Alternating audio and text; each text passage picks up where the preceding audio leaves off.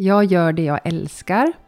Och jag älskar inte varje dag och inte varje sak jag gör på jobbet. Men jag håller ju på med det jag vill. Och jag tycker att alla ska hålla på med det de vill. Varmt välkommen till avsnitt nummer 22 av Mitt liv som ingenjör. Vi är återigen tillbaka i Silicon Valley och i dagens avsnitt träffar jag Jenny Elfsberg. När det var dags att söka in till högskolan blev det först VVS-ingenjör på Mälardalens högskola. Det var dock inte helt rätt och efter två år där flyttade Jenny till Linköping för att ta en civilingenjörsexamen i maskinteknik. Sedan examen så har hon jobbat inom flera olika roller, men den gemensamma nämnaren har alltid varit Volvo och då med fokus på lastbilar och byggmaskiner. Sedan några månader tillbaka så bor Jenny i Palo Alto där hon har fått uppdraget att öppna ett innovationscenter för Volvo Groups räkning. För Jenny så har värderingar varit en viktig faktor när det kommer till val av arbetsgivare. Men hur vet man vilka värderingar ett företag egentligen står för? Den frågan och många fler får vi svar på i dagens avsnitt av Mitt liv som ingenjör. Jag heter Jenny Elfsberg och det här är mitt liv som ingenjör.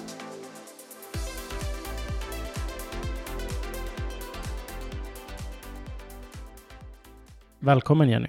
Tackar!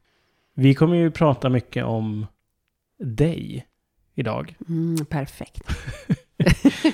om dina erfarenheter, vad du har gjort och sådär. Men en, eh, en kort beskrivning av dig själv i dina egna ord. Vem är Jenny?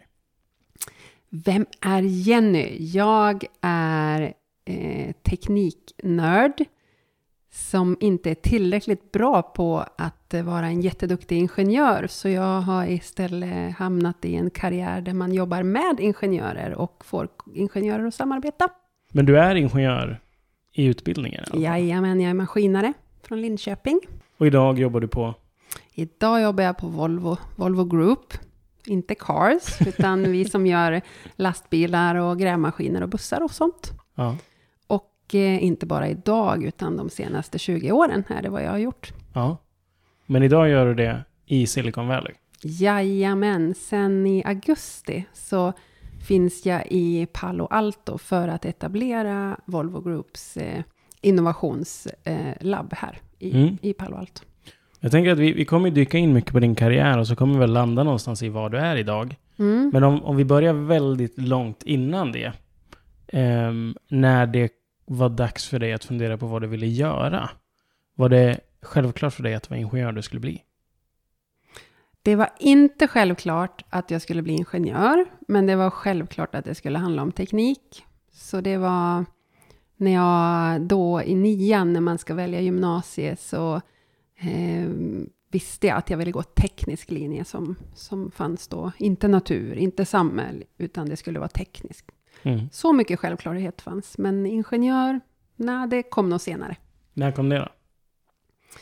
Eh, det var väl under gymnasieutbildningen som eh, jag är så gammal så att det fanns fyraårig teknisk fortfarande. Men det var, jag tror det var sista året som det erbjöds. Eh, så då behövde man ju bestämma sig om man skulle bli färdig med fyraårig teknisk eller om man ville hoppa vidare till att bli ingenjör. Mm. Och då kände jag att eh, det som lockade mig i yrkeslivet, där skulle det inte räcka med den fyraåriga tekniska. Så därför fortsatte jag, sökte mig vidare. Var hamnade du då? Mm, det började faktiskt med att jag, eh, jag hade jobbat, sommarjobbat som rörmokare och plåtslagare i, under, sen åttan tror jag. Och då tänkte jag att jag skulle bli VVS-ingenjör. Eh, så då började jag med det på Mälardalens högskola. Och eh, mitt under den utbildningen så kom jag på att nej, men jag vill ju bli civilingenjör. Och det berodde framför allt på reglerteknik som jag tyckte var superroligt. Mm -hmm. Så då hamnade, hamnade jag i Linköping. Och under, jag gick ju två år på eh, den här VVS-ingenjörsutbildningen och då kunde jag tillgodoräkna mig lite drygt hälften och, mm. och fortsätta till civilingenjör i maskinteknik. Mm. Hur var du som student då? Oj, oj, oj, det var många år så det varierade. Men jag var väl egentligen andra året på eh, maskinlinjen så var jag festerist. Och eh, precis som jag är i alla sammanhang så jag kör noll eller hundra och inget däremellan. Så jag var rätt mycket festerist. Och och hade ett ganska dåligt andra år på högskolan. Men eh, eftersom jag kör 0 eller 100 procent så kan jag ju kämpa mig i, fatt också. Mm. Så det var, jag var nog lite superseriöst sista två åren. Riktigt oseriöst ett år. Ja. och precis som de flesta som går första året, panikslagen. Ja. Omtentor, var det någonting för dig? Jajamän, det var något för mig. Det var, jag hade en bra coach i min mamma. När jag ringde och beklagade mig över att det gick dåligt så sa hon bara Jaha, när går den upp igen då? Så det var inte så mycket prestationsfokus, men jag tror att omtentorna skedde nog i de ämnena som jag inte riktigt eh, hade passion för. Mm. Men jag lärde mig ju. Jag blev ju till och med duktig på de ämnena. Duktig nog för att klara tentorna i alla fall. Mm. Mm. Det här med karriär då? Var det någonting du funderade på redan då? Mm, karriär har jag nog aldrig, alltså att ha ett jobb så att man kan försörja sig har ju alltid funnits med. Karriärplanering och karriärvägar och så, det har jag aldrig proaktivt planerat, utan jag är mer, jag är lite som en tågluffare i yrkeslivet. att när det dyker upp något så kan man säga ja och se vart man kommer. Mm. Men jag visste från början att jag ville bara jobba med, eh, med företag eller teknologi som tar mänskligheten vidare och tar hänsyn till, till det globala, och både utifrån samhällsperspektiv men också med miljöförstörelse. Alltså att vi verkligen tar ett ansvar. Så jag, jag Mm. kände rätt så tidigt att vad jag än ska jobba med så ska jag göra skillnad. Mm. Mm. Hur har det visat sig efter studietiden då? Eh, du menar om jag har gjort skillnad? Ja. Ja, jag tror att jag har gjort skillnad på några olika sätt i mitt yrkesliv. En sak som jag eh, gör är ju att jag lever som jag lär. Så att jag, om jag talar om för mina kollegor att vi ska ta hänsyn till miljön eller att vi ska samarbeta globalt, att vi ska ha mångfald, så lever jag, lever jag upp till det. Eh, jag har ju också drivit igenom saker som har varit lite omöjliga för mitt team att, att tvinga fram att vi kan ha en hel elektrisk eh, grävmaskin. Eller, alltså sådana saker har jag verkligen... Jag har aldrig varit ensamma hjärnan bakom att saker kan hända. Men jag är garanterat den bråkigaste så jag får de sakerna att hända. Mm.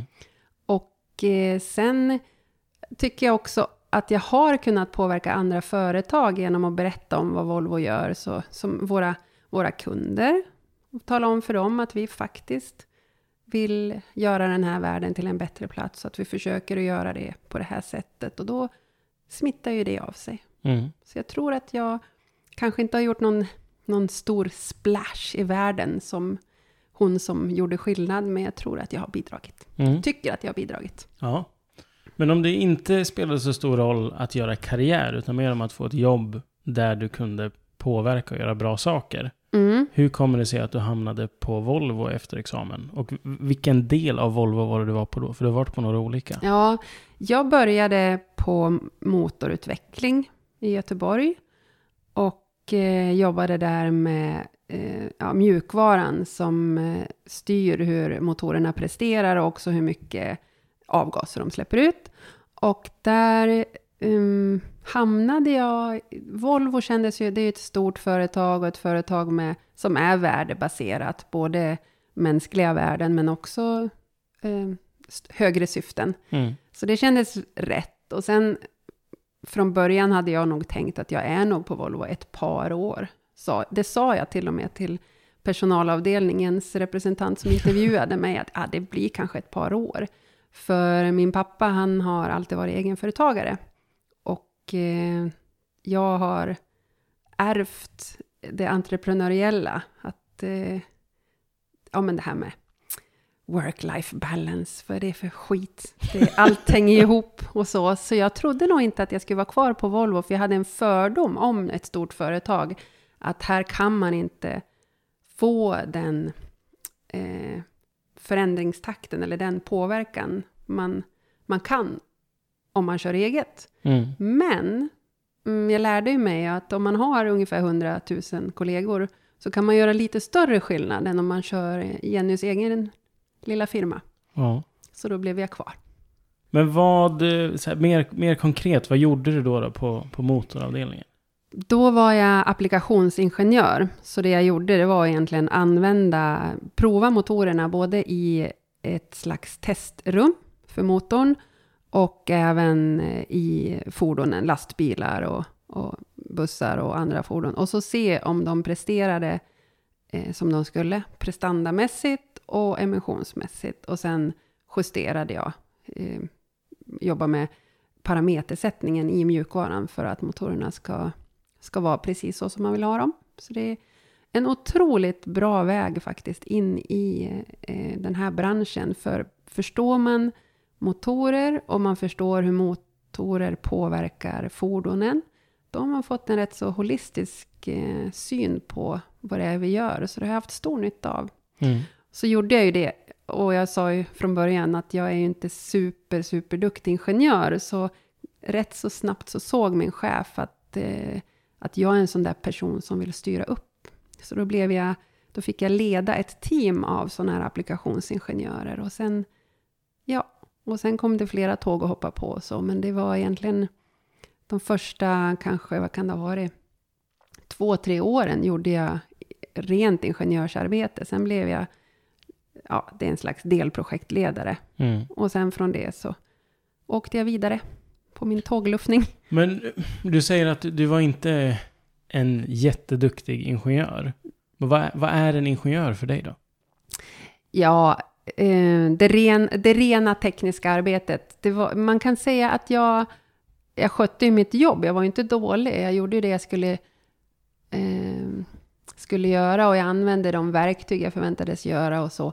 Men jag hade väl mer en fallenhet åt att styra upp och se till att folk pratar med varandra. Och, så mm, jag tycker nog att det kanske är lite taskigt mot mot mig själv att säga att jag var dålig.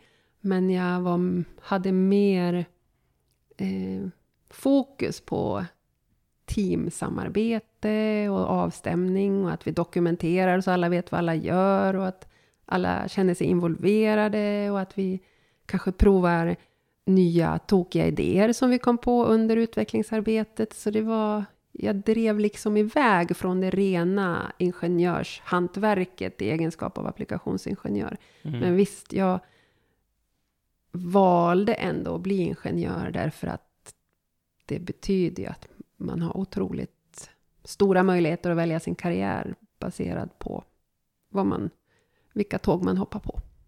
Men eh, min tanke är att ingenjörer är problemlösare. Mm. Och då tänker jag att även om man kanske går ifrån det rent tekniska så är man väl fortfarande ingenjör? Ja, jo. Eller? Du, jo, jag håller verkligen med. Och det som eh, ingenjören förstår ju teknik på ett sånt sätt så att den kan prata med andra ingenjörer. Och det, om, jag, om man kollar på marknadsvärdet av mig med ingenjörsutbildning kontra någon kollega som inte har den bakgrunden så har man ju förmågan att vara problemlösare och förmågan att prata i ingenjörstermer. Det, det är hårdvaluta. Mm. Den första verksamheten du var på med Volvo, hur länge var du där?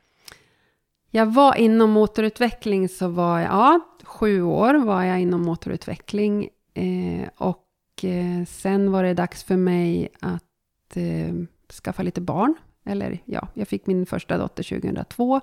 Och när andra dottern var, var på gång så kom vi överens om att vi skulle flytta närmare barnpassning. För både jag och min man tycker om att jobba mycket. Mm. Så då fick vi flytta till Strängnäs och så jobbade jag på Volvo Construction Equipment. Och vad är det för del av Volvo? Det är de gula maskinerna som är Volvo Construction Equipment. Så det är eh, off, offroad, Mm. de, de som bygger vägarna. Och en väldig massa andra saker. Grävmaskiner, hjullastare, dumprar. Några andra maskiner. Mm. Var det självklart för dig att fortsätta på Volvo även fast ni flyttade då? Självklart, det var inte självklart att vara kvar på Volvo, men det var någonting som jag önskade, för Volvo har varit ett väldigt bra företag för mig. Det har varit, det har varit väldigt, eh, enkelt att komma vidare. Det har varit väldigt enkelt och jag är en rätt så nyfiken person. Det har varit enkelt att få utbilda mig vidare och utmaningarna har varit tillräckliga. Så jag ville välja att vara kvar på Volvo. Men när vi flyttade så tittade jag på alternativ. Men eh, jag, jag fick en möjlighet att, att jobba på Volvo CE och då valde jag det. Och vad gjorde du där? Jag började som eh, projektledare där för, eh, för olika projekt som har med komponen komponenter som man delar. Eh, så jag var projektledare för en, ett växellådsprojekt och ett eh, elektronik eh, eh, ja, styrenhetsprojekt till att börja med. Mm. Och efter ett tag så blev jag avdelningschef där för en, för en avdelning som gör eh, motorprestandautveckling. Och vad var det bästa med det då? Eh, ja, det bästa och det värsta skulle man kunna säga, det var ju att det var fortfarande Volvo, men det var ju en helt annan, en helt annan ort i Eskilstuna. Mm. helt andra, en annan kultur. Man kunde se att Volvo, det här, våra kärnvärden inom Volvo, att de finns kvar. Och att eh, det här respekten för varandra som kollegor finns kvar. Men det var ändå en väldigt stor skillnad och jag tyckte det var lite jobbigt i början att flytta från Göteborg till Eskilstuna för ehm, jag kände mig som en Volvo-anställd. Men i början uppfattades jag ju som en främling. Mm. Att jag kom in där och störde deras status quo. Och det är ju det jag gör. Det är ju en del av min personlighet att störa status quo. Så. Men det var, att börja på Volvo CE var roligt, för jag behärskade ju motorerna rätt så bra och jag behärskade lastbilar väldigt bra. Jag körde mycket lastbil och få börja jobba med gula maskiner. Det var en stor förändring att börja köra in i grushögar och flytta grejer. Var det en del av jobbet att köra lastbil också? Ja, i Göteborg körde jag en hel del. Det ingick ju i, eftersom det var, handlade om att optimera mjukvaran så att den hade rätt prestanda, så behövde man ju också både prova motorerna i, i rigg, i ja, motorrum, Mm. men också köra. Så det var roligt. Så du har lastbilskörkort eller? Jajamän, med släp på rubbet. Kör du mycket fortfarande?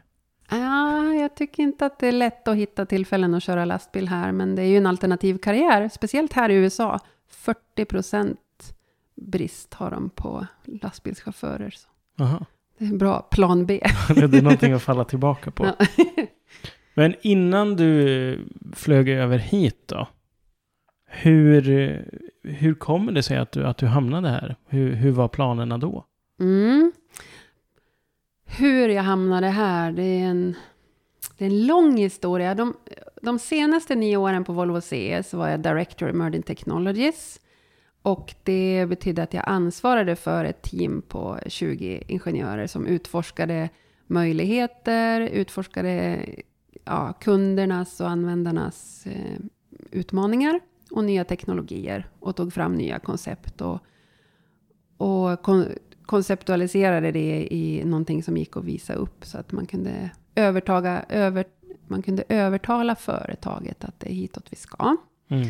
Eh, I det så lyckades jag också få till en licentiatexamen i Innovation Engineering. Och eh, det jag har lyckats bli bra på under de här åren är ju innovationsförmåga och det explorativa i innovationsförmågan, alltså det tidiga. Mm. Eh, och Volvo Group bestämde sig för att placera en person här under eh, det som heter Connected Solutions. Eh, har en, en del som heter Innovation Lab. Och där bestämdes det att man skulle bygga upp verksamhet här med en person från början och sen ska vi bli några fler. Och då sökte jag det jobbet och med min bakgrund och eh, med min eh, koppling till eh, Silicon Valley. Jag har eh, samverkat med flera stycken olika startup-företag och också samarbetat med Stanford och en del av min forskarutbildning är också från, från Stanford Okej. inom design thinking. Så då antar jag att de tyckte jag passade bäst. Så Mm. då fick jag jobbet. Och hur länge har du varit här?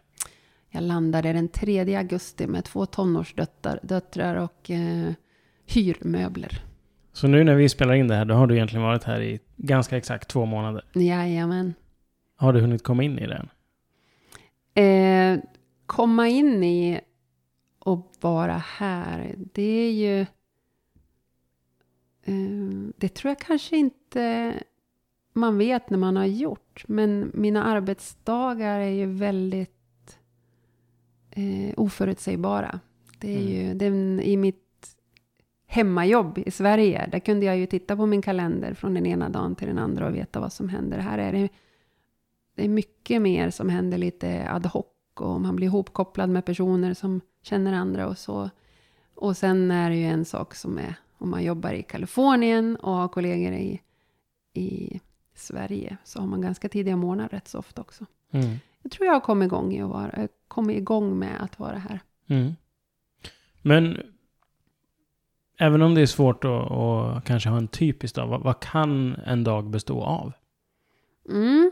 Man skulle kunna beskriva en arbetsdag när jag börjar med att vara med på ett möte som börjar fem på morgonen.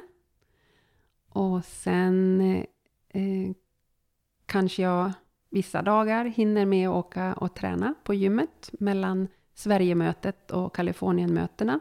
För det är otroligt många här som jobbar internationellt, så det är sällan man har möten innan klockan tio. Mm. Därför att alla vill ha sina distansmöten på morgonen. Så då mm. har man ett litet gap där. Och sen kan man behöva åka till San Francisco eller till eh, San Jose eller någon av alla orterna här emellan för att träffa samarbetspartners. Och sen har ju jag min plats just nu på Nordic Innovation House. Så där kan jag hantera min admin och, och ta emot gäster om jag vill ha någon på besök. Det finns ett konferensrum. Men jag måste säga att den stora mängden möten sker ju i samband med att man äter lunch, frukost eller middag. Mm. Så det blir mycket äta. och sen har jag det så lyxigt just nu att jag cyklar till jobbet. Eh, och jag kan också cykla till tåget och ta med cykeln på tåget när jag ska till Sunnyvale eller Mountain View eller så. så det... Mm. Men här, vad är syftet med att Volvo finns här då? Ja, det är lite... Syftet med att vi finns här är lite olika.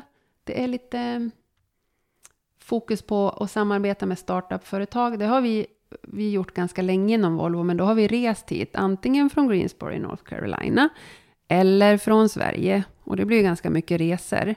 Och det som är bra med att eh, finnas här, det är att det blir mer än bara ett eh, två eh, eh, kontrakt. Att man hamnar här och blir en, en del i ekosystemet. För det märker jag redan nu. Jag träffar företag som jag har samarbetat med i många år. Att mm. det blir en annan attityd nu när jag också är en av the locals.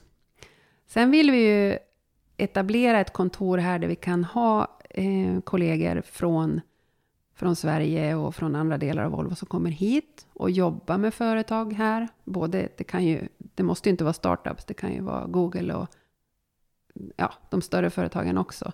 Men eh, att ta fram nya lösningar tillsammans. Och då vill vi kunna ha folk här i ja, kanske ett halvår eller tre månader så att de lär sig det här mer samarbetsorienterade, mer eh, icke-deterministiska sättet att arbeta så som man gör här i Silicon Valley. Och får den eh, farten också på, på att utveckla som finns här. Det, det går fort framåt och det är ju faktiskt bra att det går fort oavsett om det blir rätt eller fel. Mm. Och ibland blir det fel. Men kan du inte berätta lite mer om hur man arbetar här i Silicon Valley då? Om det finns något speciellt sätt man gör det på? Mm. Eh, jag får väl vara ödmjuk och säga att jag har inte varit här jättelänge. Men eh, det som jag, eh, så som jag känner att de jobbar här, är att det är ju att man ska få betalt, tar man för givet. Och att man, att man har skyddat, om man, om man har någonting som man anser är eh, patentvärt, så har man hanterat det. Så öppenheten mellan företag som man träffas eh, ja, när man träffar företag eh, på någon meetup eller på någon konferens eller att man blir en kontakt till en kontakt, tipsar om en kontakt, så, så finns alltid en... Man pratar teknik direkt. Mm. Och sen pratar man om vad kan vi göra tillsammans. Jag har också lärt mig att, det, att hjälpa någon annan, lite så här altruistiskt, eller det är, det är många som vill hjälpa någon annan för att man vet att man själv också blir hjälpt. Mm. Så när jag landade här som ny, första veckorna, jag hade så otroligt mycket möten med företag som ville visa för mig hur de etablerade sina innovation center eller innovation lab. Utan att de förväntade sig att just jag skulle betala tillbaka. Så det är pay it forward mentalitet. Mm. Men den roll som du har här idag, Mm. känner du att du har hamnat rätt? Eh, Jag har hamnat rätt på det sättet att jag trivs ju bäst när ingenting är självklart. Eller att det det. Jag tycker om att definiera. Att städa upp i kaoset och definiera en väg framåt. Så jag har hamnat rätt på det sättet att inget är självklart. Eh, Jag känner också att jag har hamnat rätt på det sättet att jag är vansinnigt förtjust i att prata om teknik och hur tekniken kan hjälpa våra kunder och användare och samhället och jordklotet. Så jag, jag har väldigt mycket energi varje arbetsdag. Om Volvo har hamnat rätt och om vi verkligen kan dra nytta av att, att jag finns här och att, att jag etablerar ett, ett team och, och en, en lokal och så. Det återstår väl lite att se, men jag tror att vi har en bra möjlighet för att vi är ett företag som är värdebaserat. Eh, och den stora risken vi har, det är att vi inte är snabba nog. För långsamhet här, då är man ute. Mm. Men vilka framgångsfaktorer ser du i, i, i din karriär, om vi då får kalla den det, de här senaste 20 åren? Vad, vad tror du har möjliggjort att du är där du är idag? Oj, vilken svår fråga. Jag vet att eh, de flesta som känner mig säger att jag är den envisaste jäkel de någonsin har träffat. Jag tror att det kan vara en framgångsfaktor, att jag faktiskt inte ger upp. Och till och med när det händer dåliga saker i ett företag, som att man måste säga upp folk, eller att man måste ha, eh, ja, sluta resa, att det är saker som påverkar en själv och ens team negativt, så har jag en allvarlig, djup eh, krasch i flera sekunder. Och sen är jag uppe igen och ser vad vi kan göra istället. Och det Mm. tror jag har varit någonting, eh, någonting som är väldigt nyttigt för mig. Att det, det kan absolut få gå åt helvete med koncept eller med avdelningar eller med planer. Men då gör vi något annat. Vad av det du lärde dig under ingenjörsutbildningen har du mest användning för? Det kanske är just det där. Om man kör på en tenta så tar man om tentan. och fast det, ja, jag tycker någonting, om jag ska hedra eh, ingenjörsutbildningen.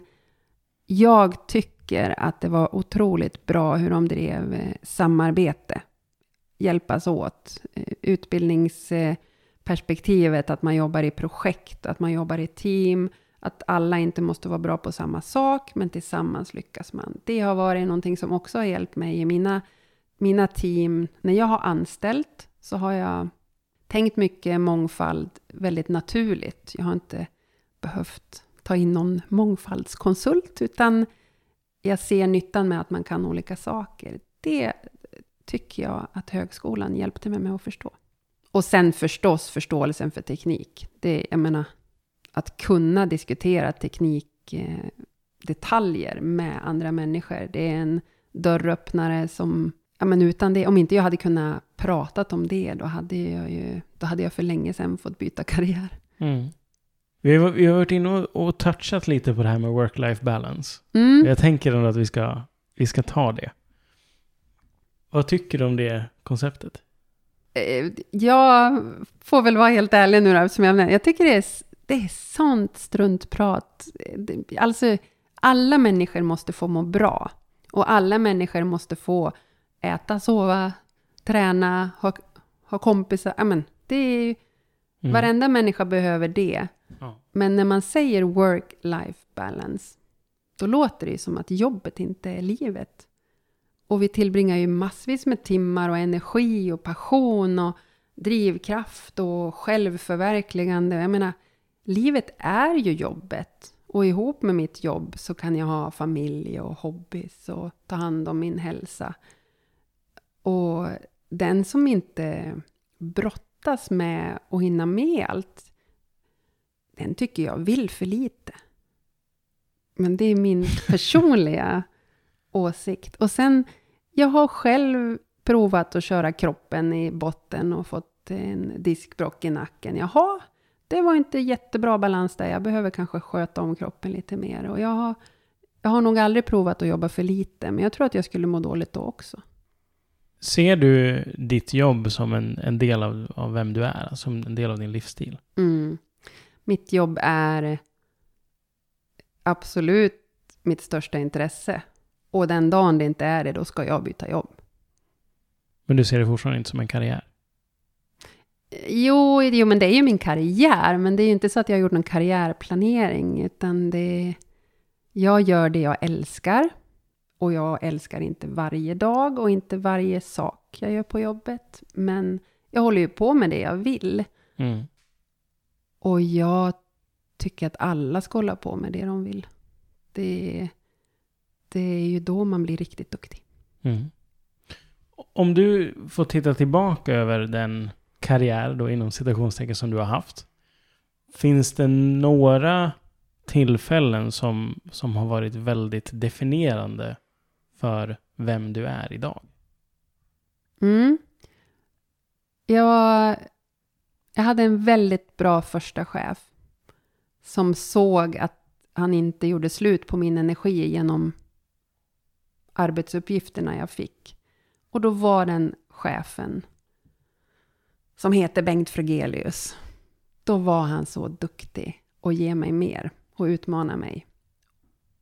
Och han såg att det aldrig tog stopp, så han gav mig ännu mer. Att man, om man, jag tror att det mest avgörande i ens karriär, det är att någon faktiskt ser att man kan mer. Jag tycker det är respekt för individen. Jag tycker det är att bry sig om sina anställda och se till att de har att bita i. Mm. För den personliga utvecklingen och stimulansen och själv, självkänslan och allt det. Så det var väldigt definierande. Sen, eh, lite sorgligt då, en annan väldigt definierande var ju när jag var mammaledig. Jag älskar mina döttrar över allt annat. Eh, jag tycker att det är fantastiskt att få jobba med teknik och, och få jobba med det. Och jag var inte en, en lycklig hemma, hemmafru, om man säger så. Eh, och det, det var viktigt för mig att förstå att det här jobbet, jag är inte ledig från jobbet.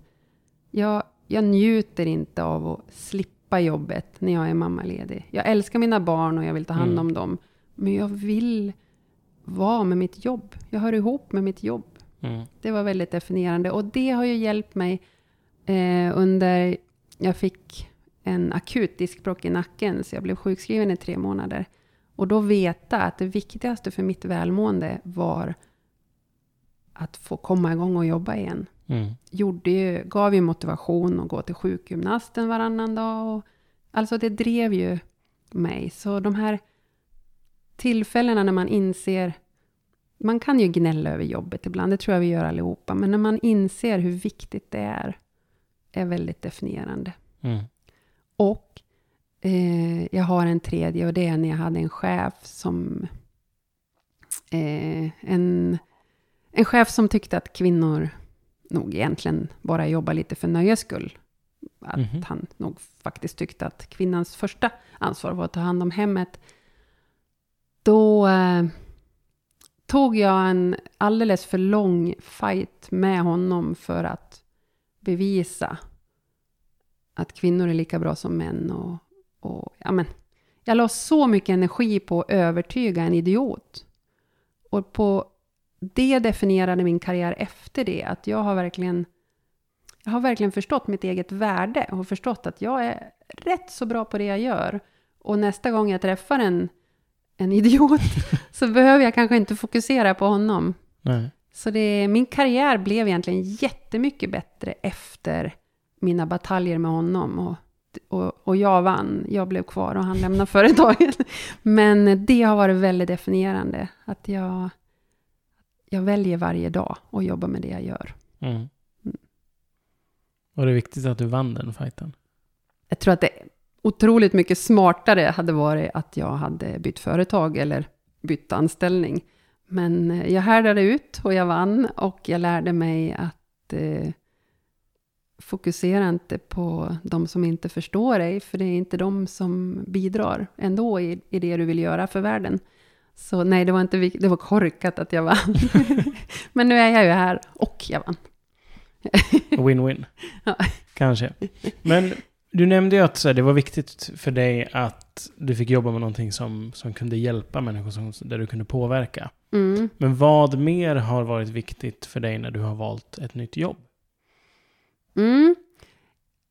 Det är väldigt viktigt att eh, jag får jobba i team. Jag är en eh, person som... Jag har inga problem med att ta befäl. Men om jag jobbar för mycket ensam så...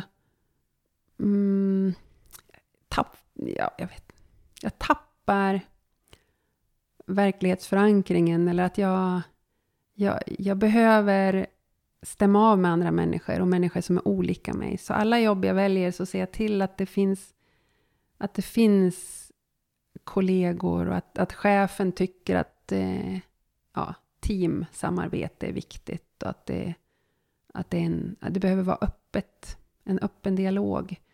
Och sen är det ju inte alltid man väljer sin chef eller, eller det sker ju omorganisationer i, i stora företag framför allt Mm. som man hamnar.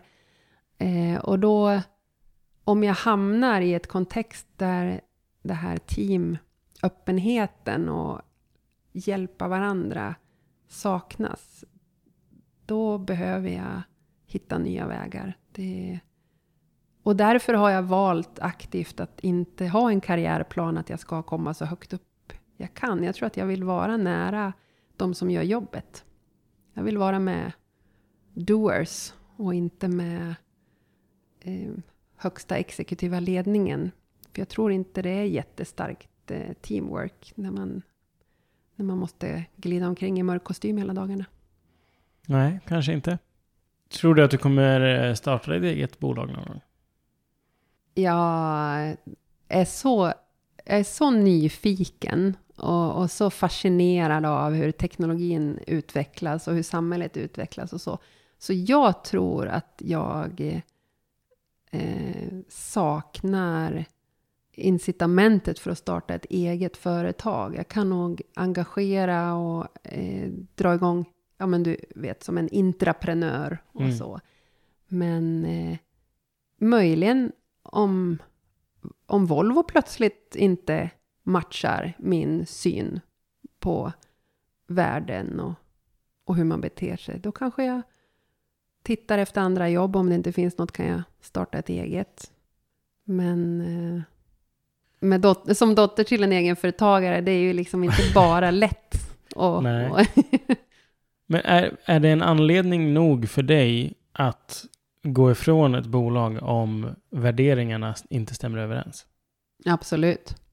Det är alla gånger. Jag har aktivt valt att stanna på Volvo på grund av värderingarna. Jag har flera gånger provat att söka andra jobb för det är ju något som rekommenderas att man ska byta företag, framförallt för löneutvecklingen och så. Mm. Eh, Jag kan inte, jag kan inte stå upp för ett företag som inte har de värderingarna som matchar mina.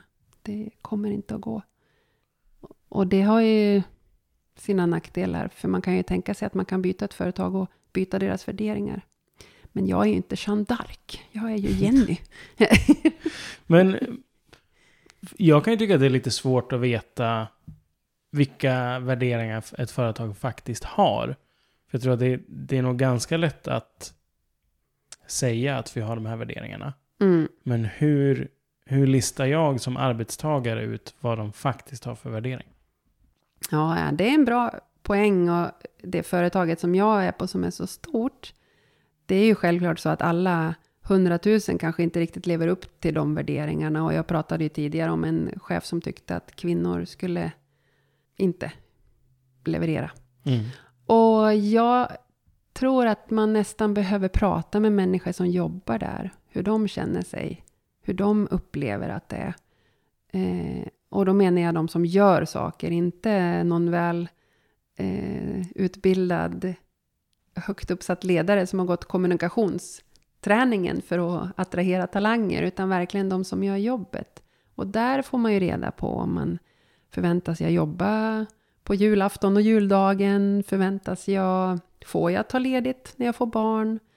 Och hur beter sig folk mot varandra? Hur hierarkiskt är det? Hur, hur låtsas vi att vi bryr oss om miljön eller gör vi det? Låtsas vi att vi bryr oss om diversity, mångfald eller gör vi det? Det tror jag man bara får reda på om man pratar med någon som jobbar där. Mm. Mm. Och jag tror inte att något företag är perfekt. Så Volvo matchar mig tillräckligt bra för att jag ska stanna kvar. Men vi har också väldigt mycket att jobba med. Mm.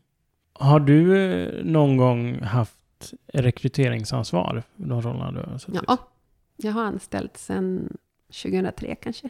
Har du anställt nyexare? Ja, absolut. Vad har du kollat på då? då? Och varför?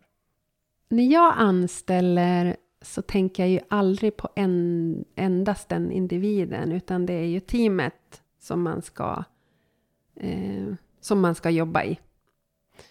Och eh, passion är nog det som jag framför allt behöver se i en nyexad.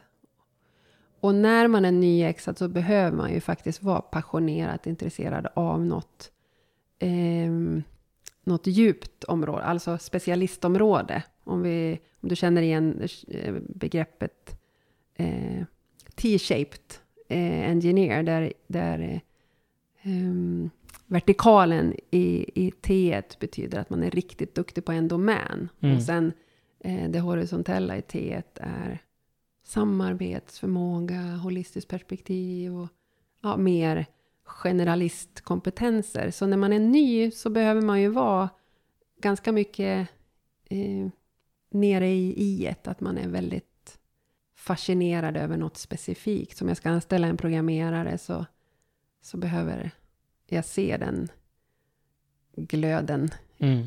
när han eller hon pratar om det. Och ingenjörer som jag anställde de här senaste nio åren, de behövde vara ganska så... Det var innovations...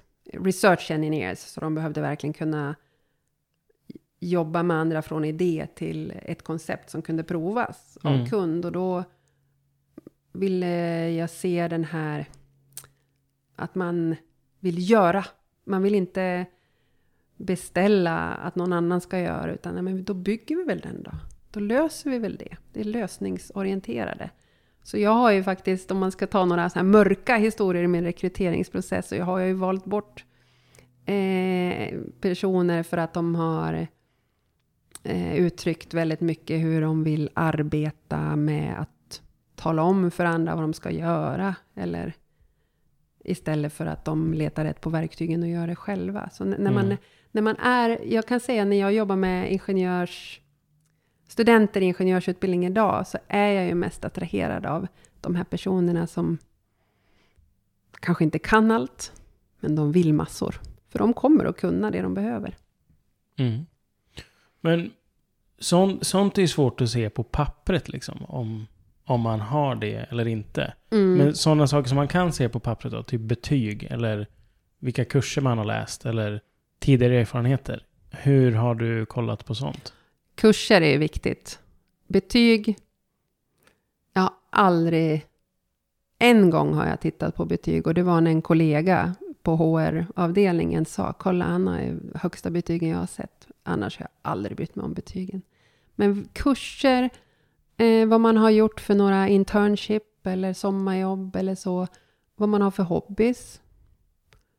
Eh, och sen i det personliga brevet att det finns en att det finns något eh, förbi att tjäna tillräckligt mycket pengar för att köpa det jag vill. Att det finns någon drivkraft som är, eh, men jag vill få saker att hända. Jag Mm. vill, eh, en koreansk kvinna, hon sa en gång, jag vill göra världens första robotgrävmaskin. det vill, jag vill att det ska vara jag och jag pratar med tillräckligt mycket folk för att förstå vad som krävs. Och hon hade ju rätt utbildning och så. Jag menar den där, jag vill gärna göra omöjliga saker också. Det tycker jag är väldigt attraktivt hos en, hos en anställd. Mm. Men, men vikten av kurserna då? Är det för att se vad man har varit intresserad av eller det får se vad man redan har kunskap inom? Ja, men det är egentligen, jag tycker det är lite dörröppnaren. Att man har en kompetens som går att använda direkt. Man, man ska ju aldrig anställa en nyexad kortsiktigt. Eh, eller jag vill inte göra det i alla fall, utan man ser, ja men, ja ah, vad bra, han kan eh, programmera Android. Att det finns någonting där man kan sätta dem i arbete från början. Mm. Och sen tycker jag också att det är viktigt att se att kurserna man har valt, att det inte bara är djupt in i ett enda område och så ser ju ingen ingenjörsutbildning ut. Men jag tycker det är otroligt bra med människor som läser en stor del som hänger ihop i ingenjörsyrket och sen någonting helt annat. Som kanske någon politikrelaterat eller konst eller någon, ja så här, far out. Det tycker jag är väldigt intressant, för det är en person som är nyfiken och som tycker det är helt okej okay att vara utanför sin komfortzon. Mm. Och det tycker jag också är något jag hade velat att jag tänkte lite bättre på medan jag utbildade mig. Att det är bra att ha kurser som är långt ifrån varandra. Så om jag lär mig någon, något programmeringsspråk och lär mig att, att bygga prototyper med, ja, med svetsning och alltså att man har den eh, mm. mixen. Det är ett väldigt smart sätt för då är man ju ganska snabbt igång också om man kommer in på ett företag. Om det inte är någon nu pratar jag om min yrkeserfarenhet som har mm. varit ganska, ganska lite av eh, förutbestämd, kravspesad eh, arbetsuppgift och mycket mer innovation. Men det finns ju förstås människor som bara vill vara superduktiga på en enda sak och de vill jag ändå varna. Att om man är riktigt, riktigt duktig på en enda sak som människa så kan man ju bli utbytt av eh, lite artificiell intelligens. Om det är någonting som är för förutbestämt eller definierbart. Det här är uppdraget du ska göra varje dag. Det är inget smart att bara satsa på det i sin karriär. Om vi tar och dyker in lite på Silicon Valley. Mm. Även om du bara har varit här i två månader så det är ändå två månader. Men när du, när du tar cykeln till kontoret, vad är typiskt Silicon Valley att se? Just nu så är det ju alla dessa Waymo-bilar som eh, åker omkring och samlar eh, data för att kunna träna sina, sina AI för att kunna skapa självkörande bilar. Det är typiskt. Annars ser man ju rätt så mycket vita pickuper som de mexikanska trädgårdsarbetarna har. Och sen ser man elbilar. Massor, massor med elbilar. Så det, det, är bilarna som är typiskt Silicon Valley? Ja, när jag cyklar till jobbet så är det ju så. Sen eh, har jag ju provat, det är väldigt mycket veganer här, så jag har provat mat som jag aldrig hade ätit innan. Det finns ju en otroligt saftig burgare som, är, som heter Impossible Burger. Som, mm. Den är så god. Det, och då är jag ändå, eh, jag äter kött med stor behållning, om jag vet att djuret har mått bra. Ja. Mm. Och eh, annars så är det väl just där, jag älskar det med, första gången jag kom hit så åkte jag tåg till hotellet. Eh, första personen jag pratade med, han och jag började prata om eh, programmerings... Eh, eller egentligen handlar det om hur han jobbade för ett bilföretag och så började vi prata om hur man ska se till att man kan utveckla mjukvara i ett ekosystem och integrera det utan att det åstadkommer eh, svårigheter med verifieringsprocess och kvalitetssäkring och sådana saker. Så det, alla vill prata teknik direkt. Tror du att det är coolt att vara nörd här? Det här är nördarnas paradis. Och det, det är också det, det här är faktiskt roligt, vilken rolig fråga.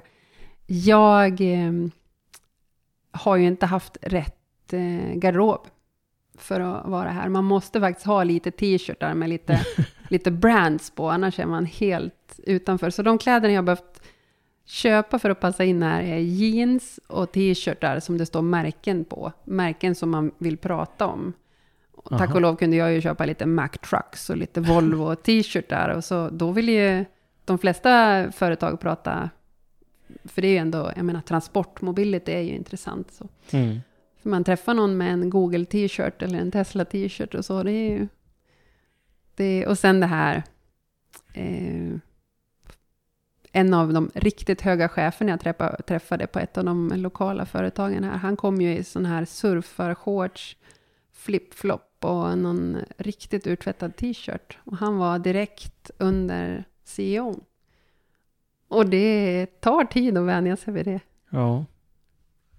När vi pratade i telefon innan vi spelade in det här så pratar pratade vi lite grann om, om olika sätt att anställa ingenjörer då, men, men folk generellt här.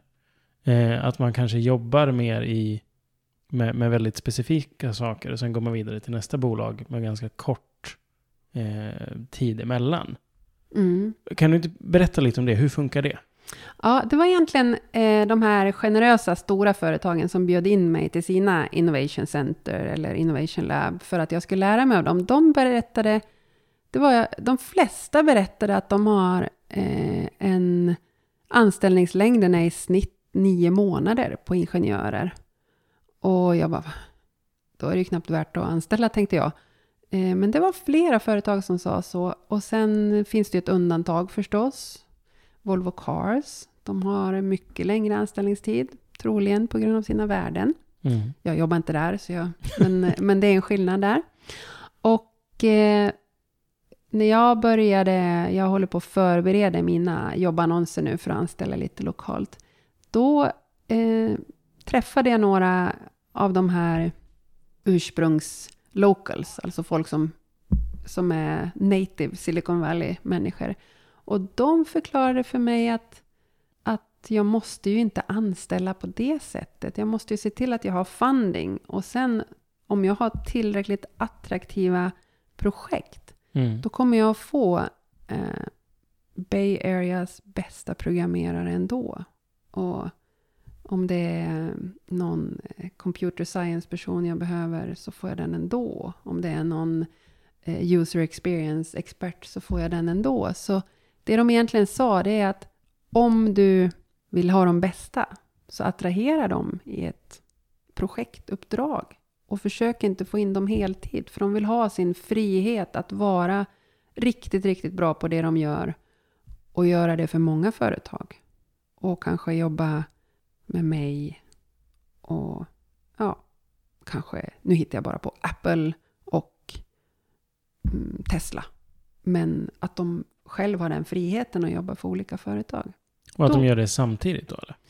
Ja, samtidigt eller att de jobbar tre månader för mig och att, att det är alltså projektbaserat. Ja, egentligen det de har sagt till mig när jag pratar med det är att de framförallt vill jobba med olika, Mm. inte heltid ens, utan ja, men jag, får jag det här jobbet kommer jag leverera det bästa du någonsin kan drömma om. Men om du säger åt mig att jag ska jobba, att jag ska vara livegen, då är jag inte intresserad.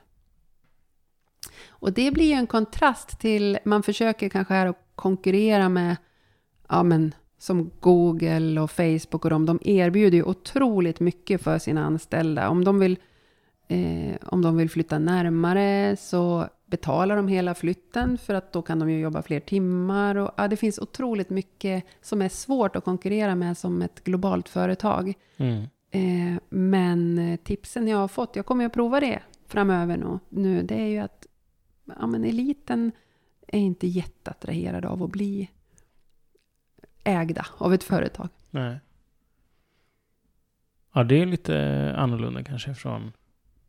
Frilansande ingenjörer. Det är för mig som tycker att ingenjören ska ha frihet att göra. För ingenjören kan fixa allt om han eller hon bara får chansen. Så det låter fantastiskt. Men Mm. det var ingenting jag visste om innan jag flyttade hit.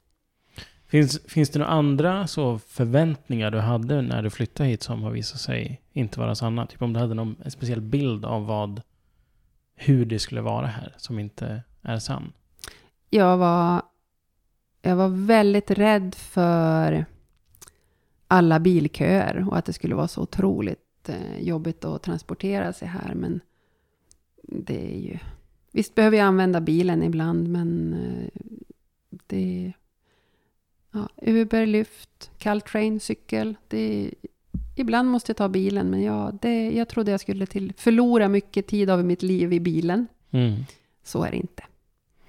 Eh, det var också eh, många som sa till mig att amerikaner är väldigt ytliga, att det är svårt att få vänner.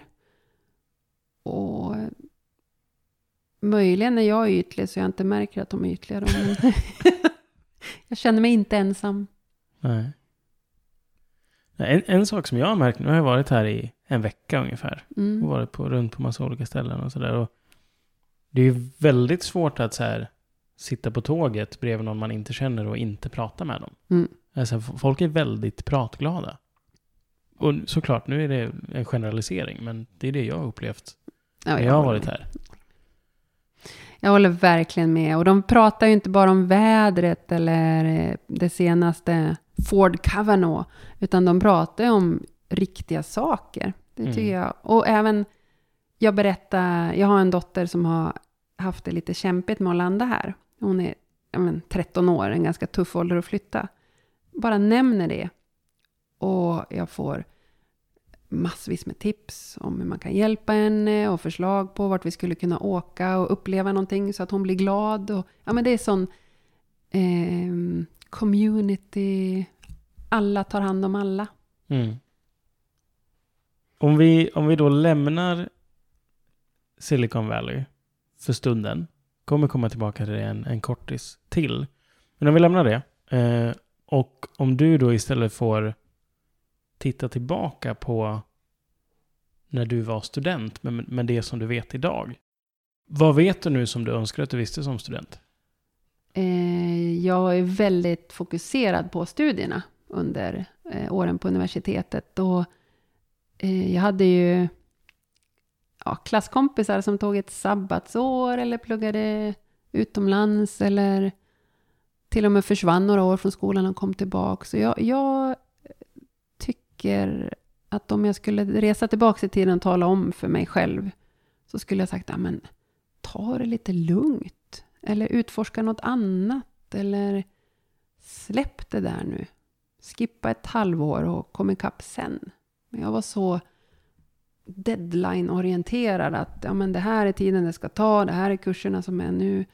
Och jag tror att jag hade varit bättre rustad för eh, yrkeslivet om jag hade taggat ner lite. Mm. Och förstått hur nyttigt det är och bara att inte kunna är ju egentligen världens bästa möjlighet för att lära sig någonting. Istället för att det är ett problem.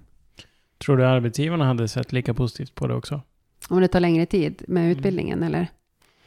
Nej, men ja, det är där jag tycker att vi egentligen som land kanske skulle börja prata lite om eh, alternativa sätt att bli ingenjör. Att man kan ha... Jag hade gärna velat haft internship-studenter som pluggar och jobbar samtidigt. På samma sätt som industridoktorander. De tar Mm. ju lite längre tid på sig. Men det du får ut är ju jättemycket högre kvalitet. Och de kan ju kasta sig rätt in i och jobba och leverera. Så där tycker jag att vi... Eh, varför ska det vara mm, linjärt? Varför kan det inte vara lite dynamiskt?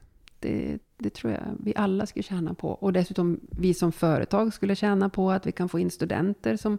Studenter är helt fantastiska för de har inte läst eh, alla våra eh, designprocesser och våran brand statement. Alltså de kommer in med allt är möjligt. Mm. Det, är ju, det är fantastiskt att jobba med studenter. Smitta av sig lite på det är ibland lite stagnerade företaget genom att blanda lite och så. Och speciellt idag när studenter lär sig att programmera sin Arduino och lär sig att 3D-printa och, ja men, och redan har skickat ut några appar. Ja men, idag så har ju företagen jättemycket att vinna på att få in unga människor och kanske studenter. Ja, men sommarjobbarna gör ju en fantastisk skillnad Mm. och så. Men jag var så fokuserad när jag pluggade på att det bara skulle, det här, det var, som att dra av ett plåster. Det ska bara göras så snabbt som möjligt. Bli färdig. Och eh, jag tror att det är bättre att inte ha så himla bråttom. Njuta av hela resan. Mm. Jag tänker att vi ska gå över på de här avslutande frågorna. Eh, som du får svara på eh, egentligen bäst du vill. Ja, så minsann. Ja. Är det annorlunda? Ja. ja, för det har du inte fått Nej. gjort hittills. Ja. Men om vi tar den första då som, som jag brukar säga som är ganska enkel, men som jag har fått rätt att, eh, att det är inte så enkelt, för det kanske finns många. Men ditt bästa minne från högskoletiden? Det brukar ofta börja med ett leende. Ja. Mitt bästa minne från högskoletiden. Oj, det, jag håller med om att det finns många. Eh, det var nog, det, det här låter, nu är jag gammal, jag får skylla på det. Men det var ju, eh, jag tror nästan att det var i någon av de här tunga kurserna faktiskt.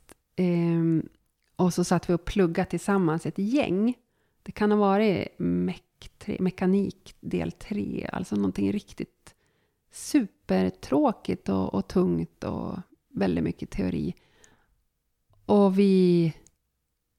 Tentan var nära och vi var några stycken som verkligen kämpade med det. Och så började, började vi liksom en efter en fatta. Och faktum är att vi både pluggade och kanske eh, festade lite. För det är ju så på högskolan att ganska ofta så är det någon typ av stor fest också i, samtidigt som mm, omtentorna är. Det här var faktiskt Mm. en omtenta.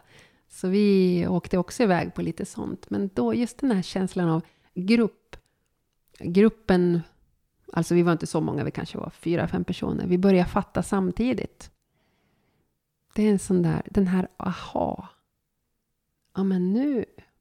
Och hur man jag älskar det. Det är något som jag brukar säga till mina döttrar. Det finns ingen bättre känsla än när man inte fattar ett skit. Om man anstränger sig, om man kämpar, om man diskuterar, om man... Nej, jag, jag förstår inte. Och sen... Ah! Det är nog liksom det bästa minnet så från högskolan. Sen kan jag räkna upp massvis med roliga fester. Eh, men det har jag ju massvis med roliga fester både innan och efter högskolan också. Så det, Mm.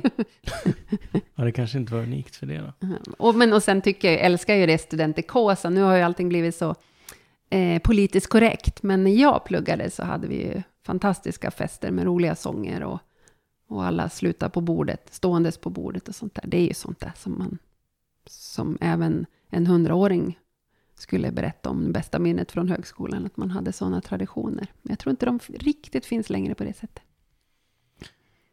Nej, kanske inte. Jag vet inte hur det var förut, men Nej. jag tycker också det är ganska trevligt fortfarande. Mm. Men okej. Om eh, som ingenjörsstudent idag då.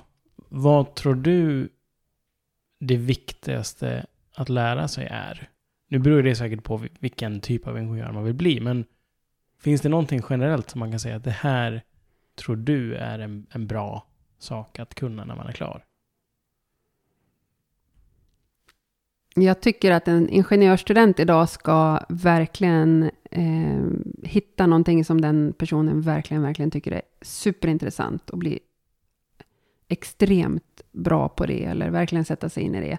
Och så kombinera det med förmåga att samarbeta med andra och samverka med andra. Och inte bara närmaste klasskompisarna som läser exakt samma utbildning, utan folk som är så olika en själv så att det tar jättelång tid innan man förstår dem, för då kan man åstadkomma mirakel. Men man måste kombinera, någonting måste man ändå ha som är ens eh, liksom sacred core of competence. Mm. Om pengar inte vore en faktor, vad skulle du ägna dina dagar åt då? Eh, jag skulle nog ägna mina dagar åt det här, men på en helt annan nivå. Eh, jag skulle ha en stor, ett stort innovation lab med mycket yta för prototypbyggnation och samverkan med både studenter och, och andra företag. Och, och eh, göra skillnad för världen. Kanske lite med fokus på eh, sådana här wicked problems som klimatfråga eller eller um, urbanisering. Eller, alltså, det skulle vara superkul. Mm. Så jag skulle nog bara göra precis vad jag gör, fast kanske i större skala. Mm. Om det finns någon som, som lyssnar idag då, som är ingenjörsstudent eller som är nyexad eller som har jobbat några år, men som är nyfiken på att komma iväg till Silicon Valley för att jobba. Har du något tips? Mm. Eh, det är ju det som jag tycker man ska göra om man är en svensk student. Det är att man ska se till att få någon typ av erfarenhet av, av den, om man vill vara här, av den här kulturen. Att man får en internship eller att man läser en termin här eller att man på något sätt hamnar här. För så som eh, man kan sälja det man gör här, alltså den extremt verbala förmågan som man har här.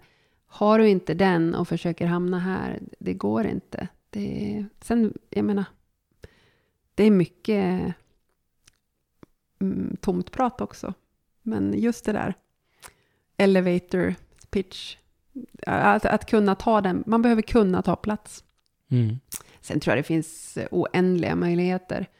Och det är ju det, nu, ja, Trump håller ju på och komplicerar för att ha yrkesutbyte, men det är ju jättelätt att få sig ett studentvisa eller det är ju inte så svårt att kunna komma hit och prova lite. Men eh, det är lätt att hamna här om man vill det. det mm. ju, men man måste ju jobba. Det, är, det, kommer ju inte på posten utan att man anstränger sig. Men duktigt folk vill de ha. Och om den som lyssnar bara tar med sig en lärdom från vårt samtal, vad vill du att det ska vara? Det är att det är utanför ens egen komfortzon som det verkligen händer grejer. Så man ska inte sitta där och vara trygg. Stort tack för att du har lyssnat. Vad tyckte du? I beskrivningen så finns det en länk till vår hemsida där du kan lämna feedback och önska framtida gäster. Vi finns också på LinkedIn, vi finns på Facebook och vi finns på Instagram där man kan följa oss och få uppdateringar. Om du gillar det vi gör så tipsa gärna en vän om podcasten så att vi når fler.